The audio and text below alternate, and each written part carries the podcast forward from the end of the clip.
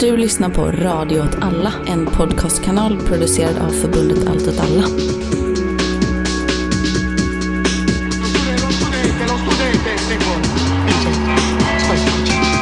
Dice, ecco, che noi siamo come le macchine, capito? Che io sono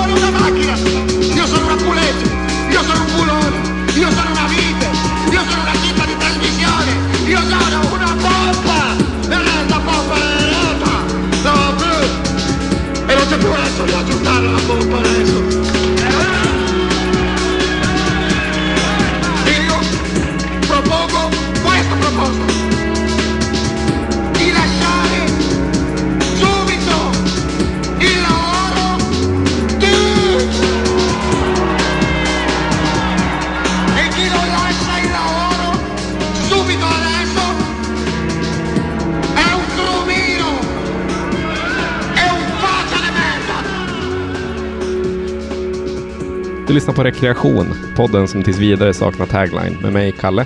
Och med mig Martin. Men eftersom att det är första avsnittet så kanske vi behöver liksom presentera oss själva, men också kanske vad podden ska vara. Mm, Vi gör den ihop för att vi har tänkt mycket tillsammans om politik och skrivit ganska många texter ihop om politik. Och, eh, Vi har gjort mycket politik. och gjort mycket politik. Sa jag inte det först? Jag vet inte.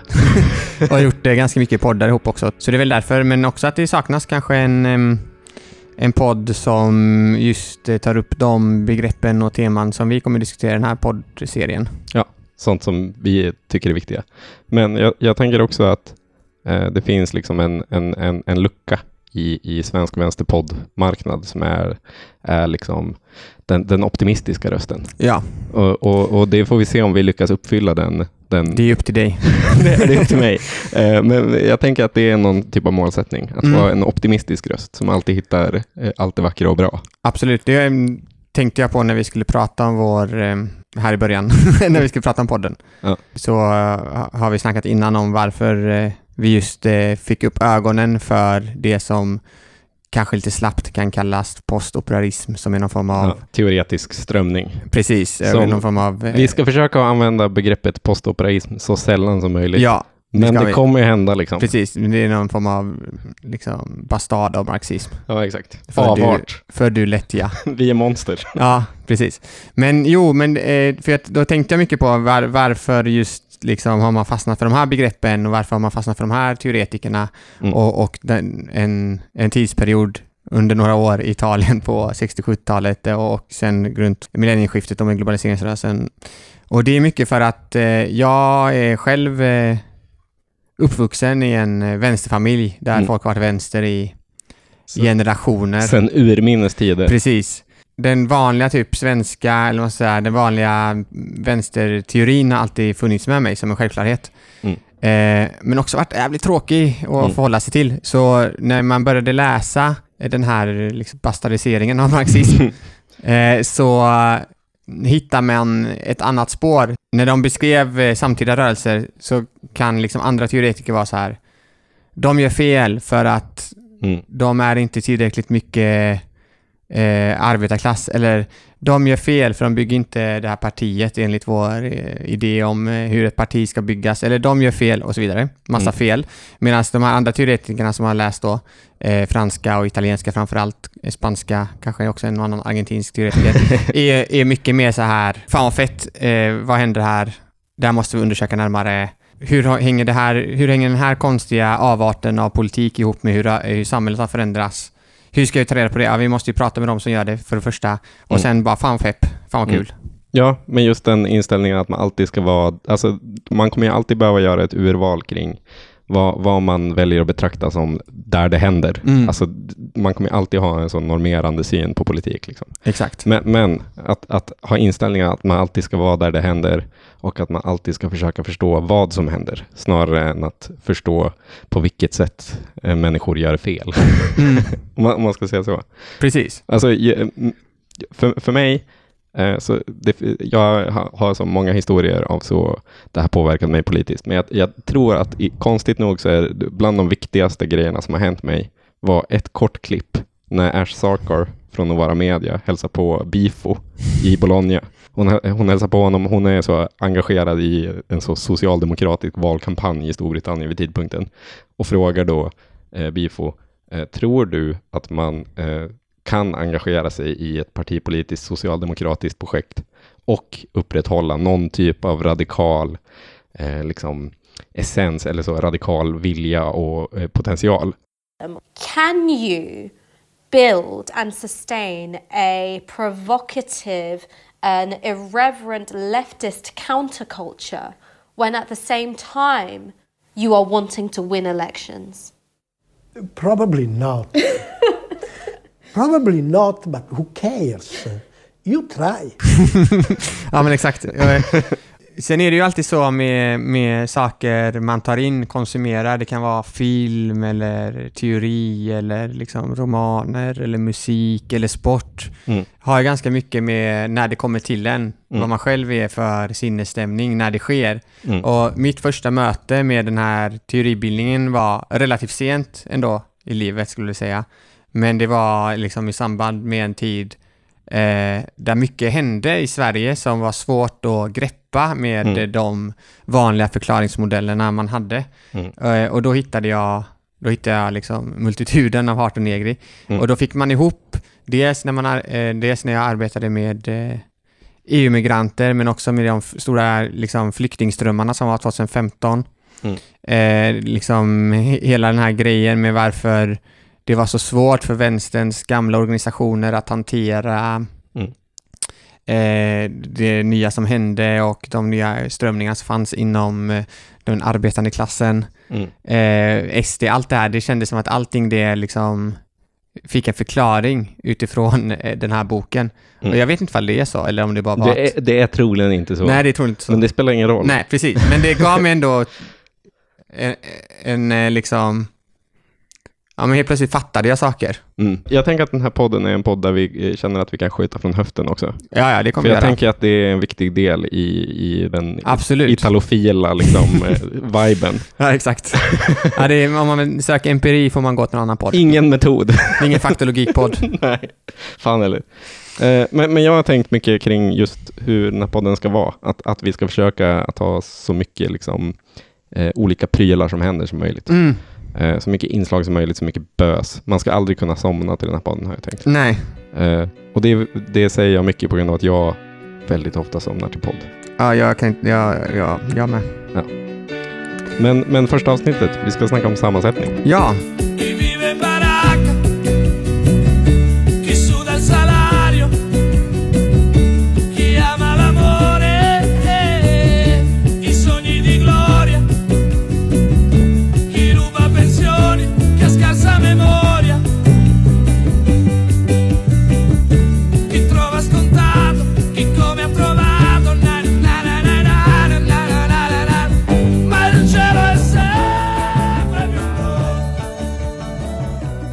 Vi ville egentligen inte prata om sammansättning Nej. för att det låter så tråkigt. ja Det är lite tråkigt. det är väldigt tråkigt. Men man må, alltså jag tänker att det är en sån grundstomme i, Ja. i hur... Men det är också väldigt kul. Det kan vara väldigt kul. Jag hoppas att det kommer vara väldigt kul. Men sammansättning då, begreppet är egentligen en klassammansättning och handlar om hur vi arbetar och hur samhället producerar saker, Mm. hur det förändrar arbetskraften Mm. i samhället, men också hur arbetskraften förändrar de strukturerna som om, omgärdar produktionen och eh, livet i sig kan man säga.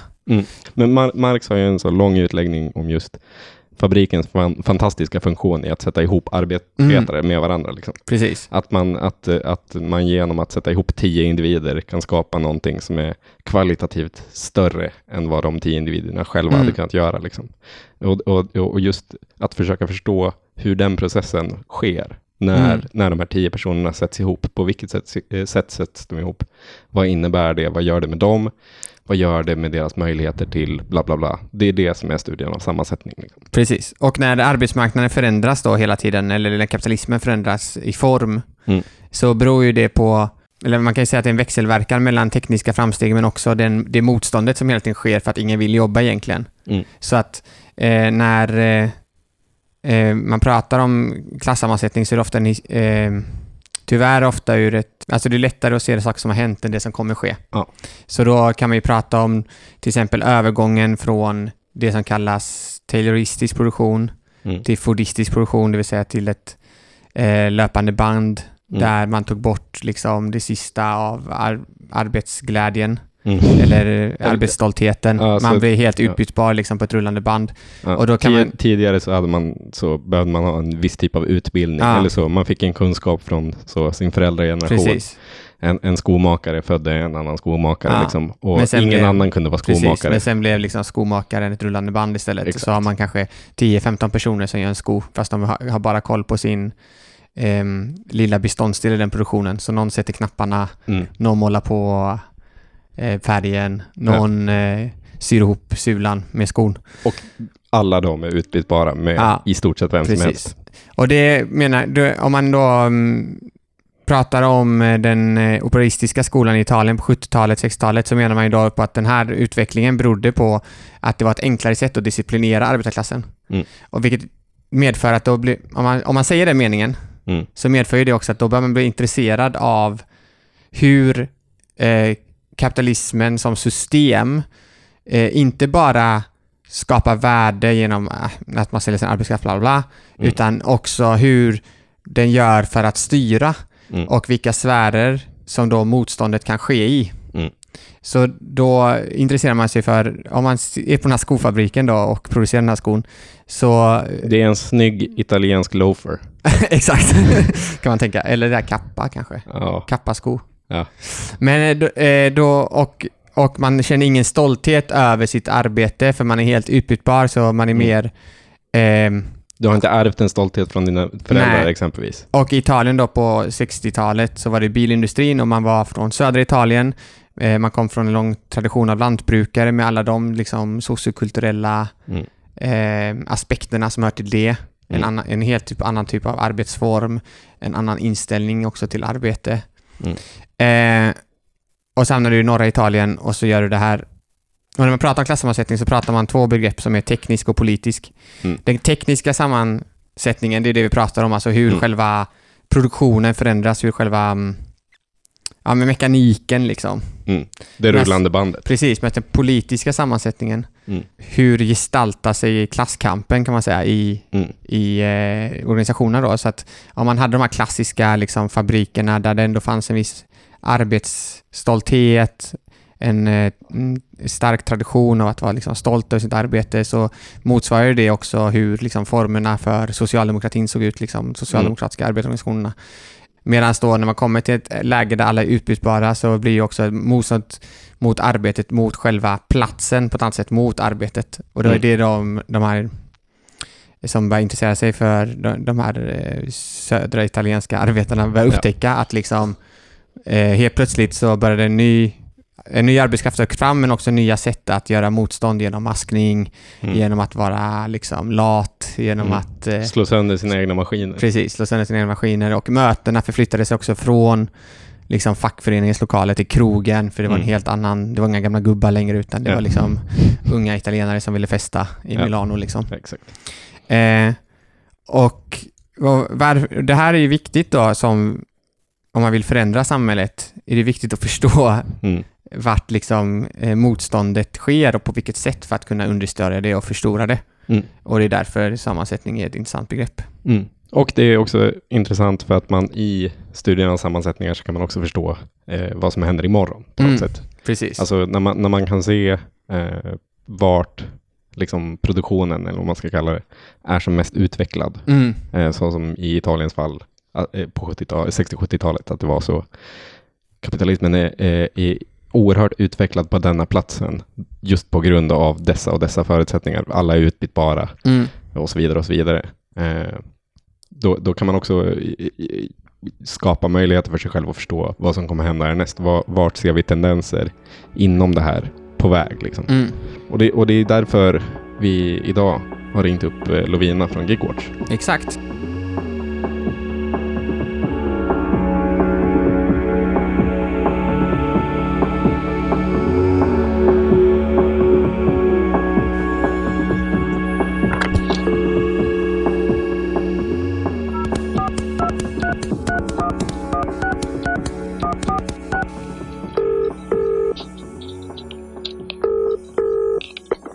Hallå? Och Gigwatch är alltså en så politisk organisation slash studiecirkel slash liksom tankesmedja slash jag vet inte vad. Jag tror de typ samordnar lite så fackkontakter och grejer.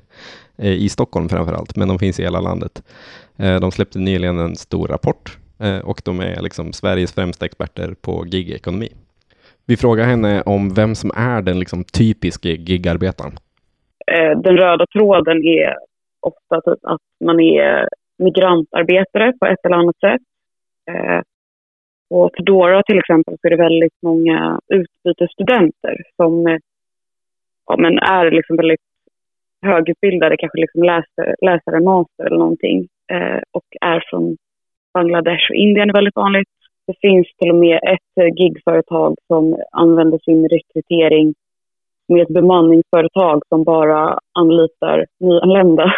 Eh, och det, man kan ju också säga att en väldigt genomgående eh, grej här är ju att det är eh, män. Men det finns ju liksom även eh, gigföretag som till exempel Jepster som liksom riktar in sig mot ungdomar. Och då är det väl liksom så här svenska ungdomar som typ går i gymnasiet.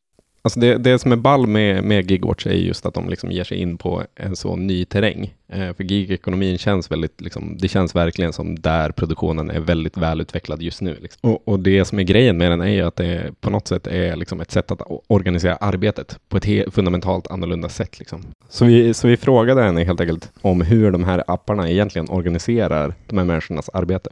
Basically att man är sin egen chef. Man som arbetare liksom liksom absorberar en chefsmentalitet typ mot sig själv och där chefen liksom är helt automatiserad och det, är liksom, det rullande bandet går hela tiden snabbare och snabbare eftersom allting övervakas och liksom protokollförs. Det liksom görs otroligt mycket liksom statistik och data. Det är liksom egentligen det som de här företagen sysslar med. Det är ju liksom sin programmering och app och statistik. Och det gör ju att man hela tiden typ liksom kan och borde liksom cykla snabbare. Alltså för att komma upp i någon slags rimlig nivå av ersättning. Alltså det finns ingen liksom marginal för att typ chilla för du får ju inte betalt medan du liksom inte jobbar. Alltså det liksom inte kommer någon beställning, du får ju inte betalt. Så det är liksom att man själv måste hålla igång det där bandet och liksom vara tillgänglig och hitta uppdrag egentligen ett genomgående tema att liksom de så här, liksom mer traditionella och etablerade fackförbunden inte riktigt har lyckats organisera den här gruppen av arbetare. Och det skulle jag ändå säga liksom en typ lite så genomgående tendens, typ, att det arbetet, liksom motståndet är, måste nästan liksom uppfinnas lite på, på nytt. Alltså arbetet ser annorlunda ut och därför liksom måste eh, liksom arbetarorganiseringen ser annorlunda ut. Det är väl liksom därför de här traditionella fackförbunden, alltså med LO sina kollektivavtal och sånt, inte riktigt funkar. Och om man då sätter på sig de här operalistiska glasögonen Mm. eh, så kan man ju se den här nya branschen att den växer fram. Ofta går ju inte de här apparna ens med vinst. Nej. Men det finns ett stort intresse av att hitta former där man kan öka exploateringen Mm. av, eh, av arbetskraften genom att liksom kringgå de lagar och regler som finns i samhället och som, Mm. som den gamla arbetarrörelsen har kämpat sig till. Mm. Och, och så det här är ju uppenbarligen ett sätt liksom för kapitalismen att hitta effektivare exploateringssätt. Mm. Eh, vilket då, som vi kommer komma in på senare, kommer Mm. skapa nya typer av, av motståndsformer. Men det är också motståndet som sig, skulle jag vilja säga, som har skapat den här branschen. Ja, och där liksom 1900-talets eh, första hälft så hade man fackklubbarna där man kunde mötas och styra upp saker. Eh, och där man på 60-70-talet i Italien hade krogen, så har man liksom kanske inte de här naturliga platserna att, att, eh, att skapa motståndet som i sin tur kommer skapa nästa liksom, utveckling av hur arbete organiseras. Men, men ändå så ser man dem eh, ihop ibland liksom, utanför Mm. restauranger och så vidare. Eh, så vi frågade helt enkelt henne om, om vilka möjligheter hon såg. På vissa eh, appar så är den helt obefintlig. Och vi pratade med en kille från TipTap och han bara, nej jag känner ingen annan som jobbar på TipTap. Jag vet liksom inte alls hur det är för någon annan som jobbar för det här. Och i vissa appar så har väl liksom företagen liksom skapat som där chattar för typ kollegorna. Där det liksom, de kan chatta eh, det blir också väldigt stor skillnad liksom, för till exempel i TipTap eller typ Uber så syns det ju inte att du jobbar för dem. Alltså för att du typ kör din egen bil liksom. För liksom matbud så de, med den här alltså uniformen så är man ju liksom ofta en vandrande reklampelare och då ser man ju vilka andra som jobbar och då alltså, finns det väl liksom lite kontakt däremellan att man liksom stöter in varandra och liksom väntar på mat på samma ställen. Typ. Men det är ju ofta liksom, det är inte som att man har några gemensamma raster. Liksom. Ut, alltså, sen så finns det ju, speciellt inom så här organiseringsinitiativ, så är det ju uppenbarligen att de har startat sina egna chattar och sånt. Men det är ju ändå liksom mer undantag än regel. Ja, här pratar ju Lovina om eh, de olika motståndsformerna som kan finnas eller kanske växer fram inom eh, gigekonomi, men också om det vi pratade om i början av podden, alltså politisk eh, sammansättning. Mm. Eh, och det är ju uppenbart så att den, socialdem den socialdemokratiska arbetarrörelsen kan ju inte hantera den här typen av flyktig arbetskraft. Nej. Den är både flyktig när det kommer till att den inte fin det finns liksom ingen fysisk plats egentligen där det, Mm. det är naturligt för den att samlas. Mm. Eh, men den är också, som vi hörde på Lovinas genomgång tidigare, eh, flyktig på det sättet att den består av människor som kanske är relativt nya i Sverige, Mm. eh, utbytesstudenter som inte kommer vara här Mm. för evigt. Exakt. Så den är flyktig på massa olika sätt.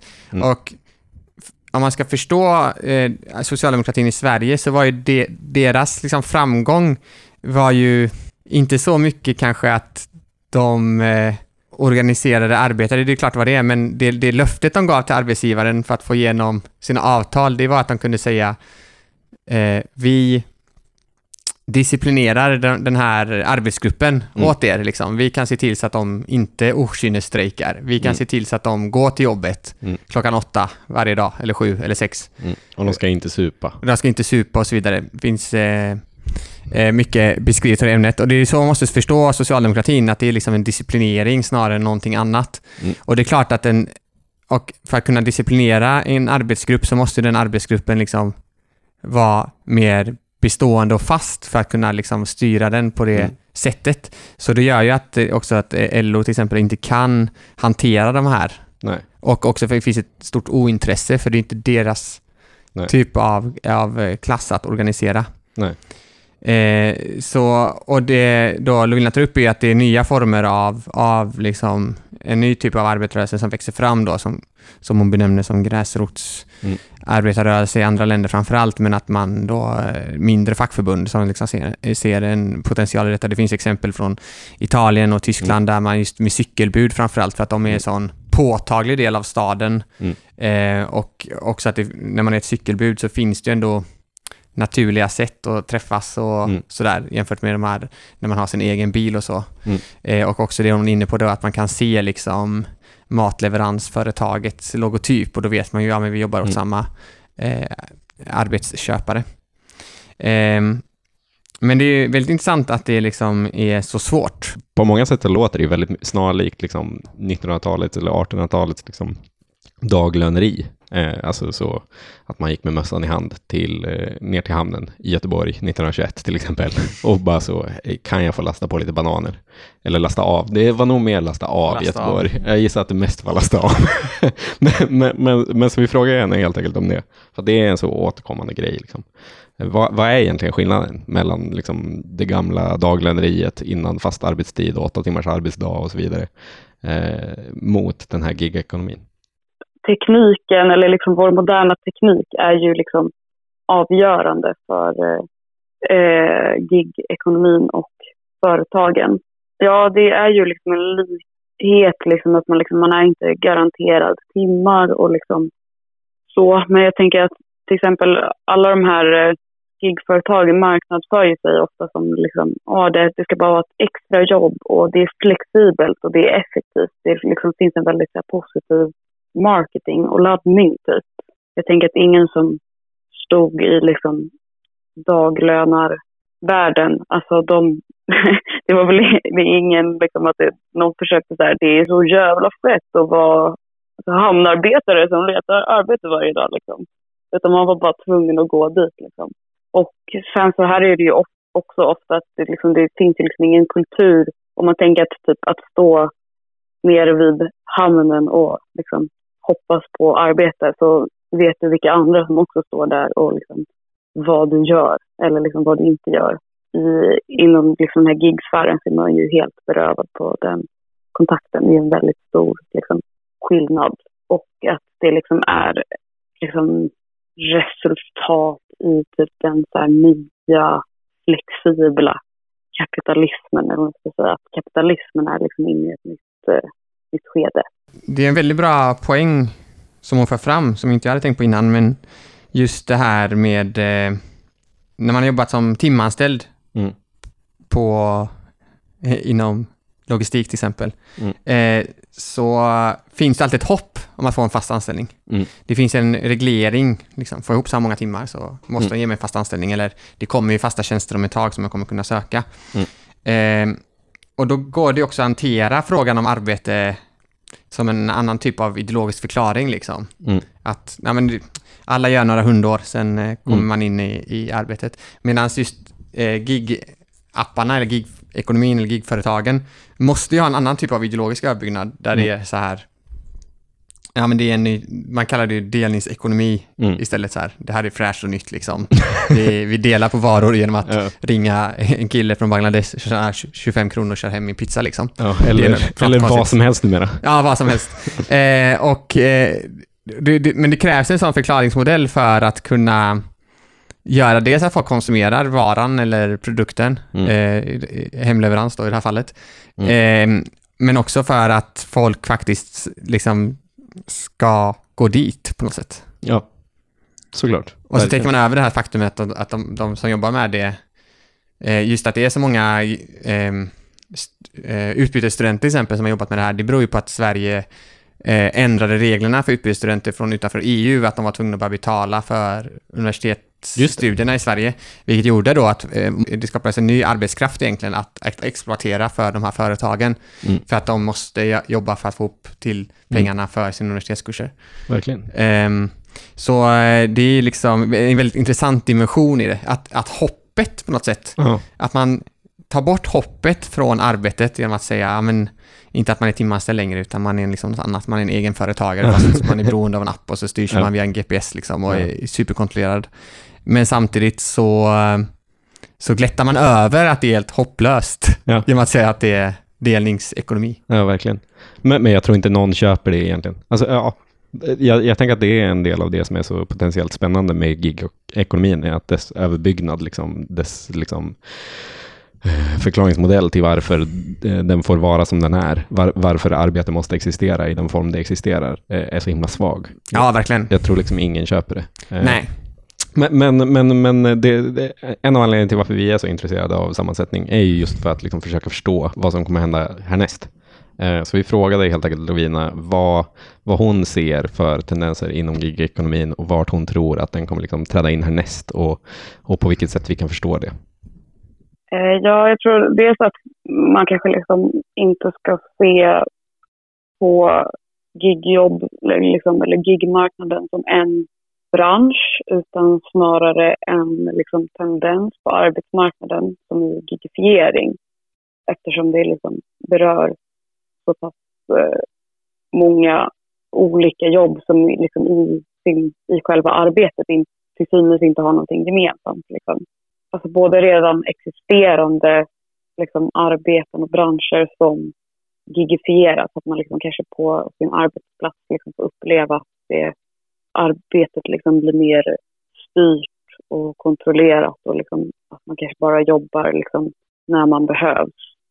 Men alltså, jag tror fan mycket på de här alltså, välfärdsyrkena. Eh, att de är, står väldigt next näst på tur. Liksom. Både inom liksom, vård och eh, skola. Det är så stort med liksom, privata företag och välfärdskapitalister som med alla till buds stående medel vill liksom, göra vinst. Och eh, då tror jag verkligen att det här är system som de kan eh, inkorporera. Men sen så liksom en grej som ju också spelar otroligt stor roll är ju typ alla de här företagen är ju i någon mån liksom fortfarande typ startups som håller, liksom håller på att etablera sig. Så alla går in med otroliga förluster. De är helt alltså, beroende av väldigt så stora investerarpengar. Där finns det liksom också möjlighet till motstånd om investerarna blir otaggade på att pumpa in pengar så är inte de här företagen lönsamma. De här gigföretagen är väl liksom lite så här finansvärldens eh, framtid. Typ. Som att man, och då liksom kanske i Sverige, att man bara okej, okay, ja, alla de här LO-arbetarna, de kan väl ha sina jobb. Alltså de, kan, de går ändå snart i pension. Liksom. Det är ju unga människors eh, arbeten som man liksom går på. Och sen så har man liksom en generation som aldrig haft det på ett annat sätt. Liksom. Eh, så jag tror absolut att det finns liksom i hur man vill organisera arbete. Att det är det man investerar i. Jag tycker en intressant poäng som hon får fram här är kanske att liksom gig-ekonomin och gig-apparna är liksom inte slutprodukten vi ser i den här utvecklingen, utan Nej. snarare så är det de tendenserna att de kommer sprida sig till andra branscher. Mm. Och att det kanske inte är så mycket hävledansen av pizza som kommer vara framtidens Nej. arbete, utan det är snarare så att vi kommer se en ökad kontroll Mm. av yrkesgrupper och kanske minskad antal mellanchefer, för man kommer istället kunna ha en, en app som kontrollerar arbetarna. Mm. Så kontrollen kommer vara mycket mer datoriserad än vad den är idag. Det Mm. finns ju exempel från Stockholm eh, med just appar som mäter hur länge Mm. de i hemtjänsten är hemma hos varje brukare. Mm. Hur lång tid tog det att ta, gå mellan varje brukare, alltså varje person de vårdar. Mm. Eh, satt de ner för länge på ett ställe och så kan man ju få den här datan och så kan man gå tillbaka och liksom till den anställda och säga, ja men app, app, app, du har eh, fem minuter hos Agda ju. Mm. Du var där i sju. Mm. Här måste vi effektivisera. Mm. Eh, och det kan man ju tänka sig att, eh, att man skulle, de, den kontrollen kan man ju tänka sig absolut kunna applicera på de flesta yrkena. Ja. Eh, där man känner att, att man som eh, chef eller liksom maktutövare av någon form inte har så bra kontroll på sina anställda. Så typ Mm. tjänstemän kan man tänka sig också Mm. kommer mätas på det sättet och det vet jag att det är så bland i vissa tjänstemannagrupper att liksom man klockar folk när de loggar in på datorn, man går Mm. igenom vad de har gjort på datorn eh, Mm. för att liksom på något sätt få till en produktivitet för det är så svårt för, för de som leder arbetet Mm. Eller bestämmer av arbetet att se egentligen vad är det produktiva Ja, i, i det här arbetet. Men Ja. då, då kan man få ett sätt att mäta det på liksom. Ja. Eh, jag, för jag tänker att liksom, eh, när Lovina pratar om gigifiering, eh, så, så eller det säger hon ju själv, men liksom det handlar ju om två, två huvudsakliga grejer som är nytt eller, eller speciellt med det här. Den ena är kontrollen som du just pratade om. Och den andra är liksom att man verkligen har gjort folk utbytbara på en helt ny nivå.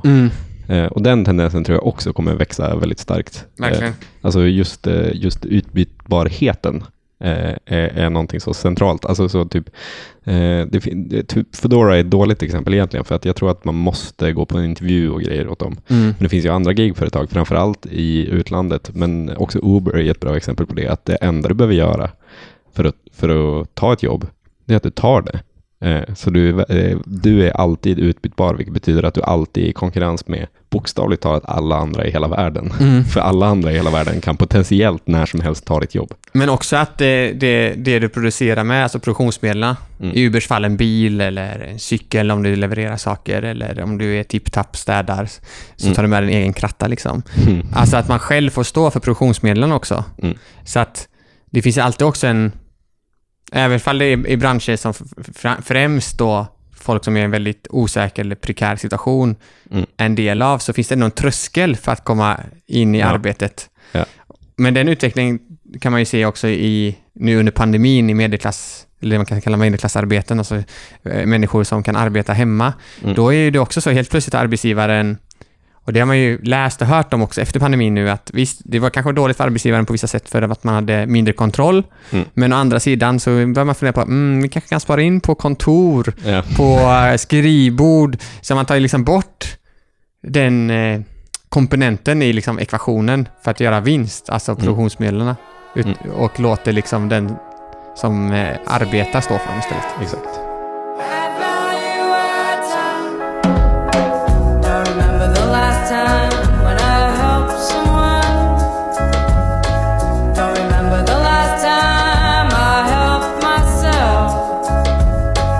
Det vi har gjort nu det är alltså att vi har först pratat om begreppet sammansättning, alltså temat för det här avsnittet. Sen har vi liksom kört en liten intervju där vi djupdyker i, i en specifik form av sammansättning, alltså den gigaarbetarsammansättningen kan man säga. Eh, men nu tänker vi att vi, vi återgår lite till, till begreppet, liksom, eh, till, till sammansättning med, med erfarenheter ifrån denna intervju. Eh, och en grej jag tänkte på är liksom att det, det Lovina snackar om är liksom gigifiering specifikt. Men jag, jag tänker att vi kan se en liksom bredare tendens som liksom går i samhället vad gäller sammansättningen av arbete i liksom en generell liksom plattformifiering av samhället. Att det inte bara är de här gig, gigföretagen eh, eh sköter arbetet genom, eller organiserar arbetet genom plattformar. Eh, och eh, någonting man loggar in på, vem som helst, det är tillgängligt. Liksom. Du behöver bara ha en mobil. Och, och på så sätt organiseras ditt arbete. Men det är även genom plattformar som resten av våra liv organiseras. Våra, våra sociala eh, band mellan varandra organiseras genom plattformar. Vi medieras genom Instagram och Twitter och Facebook. Liksom. Eh, och, och även där ackumuleras värde på något sätt. Mm. Eh, och, och, och, och jag tror verkligen att liksom vi, vi, vi kan liksom lära oss mycket av hur, hur vi sätts samman och, och vad det gör med oss eh, på, på dessa plattformar. För jag, jag vill bara åberopa återigen det här eh, exemplet från eh, Italien med liksom arbetare som inte respekterade sitt arbete.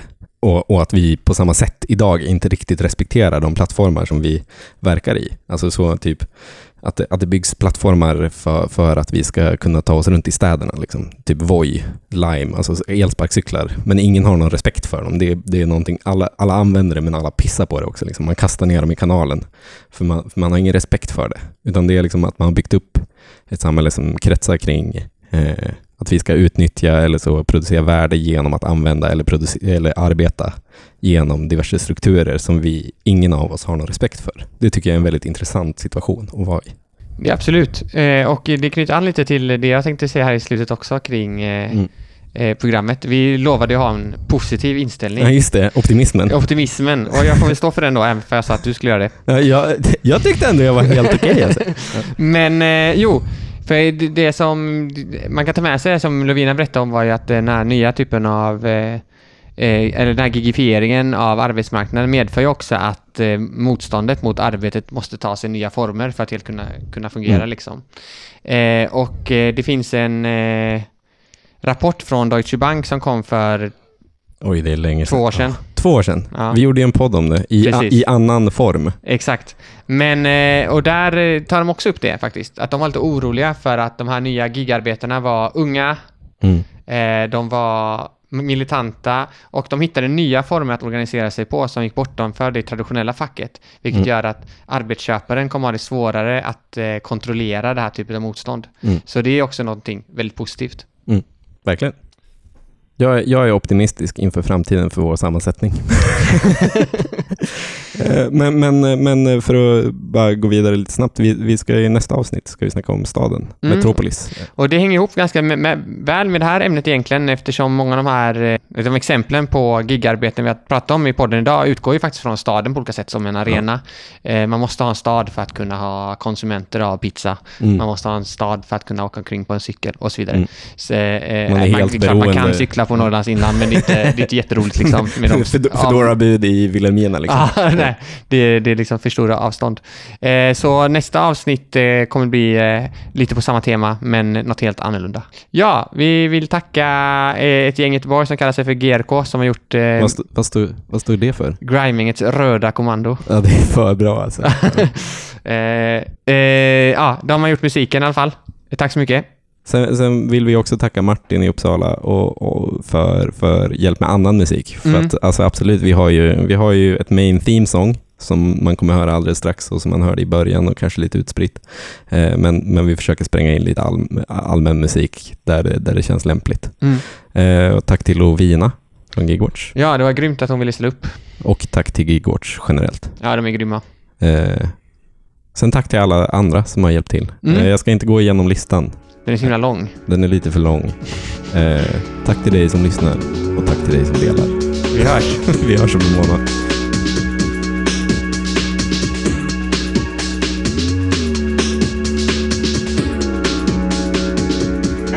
Allora, ciao compagni, ciao, lavorate bene, fate il massimo di sforzo per chiarire le idee. Viva il populismo e viva tutto il resto, ciao.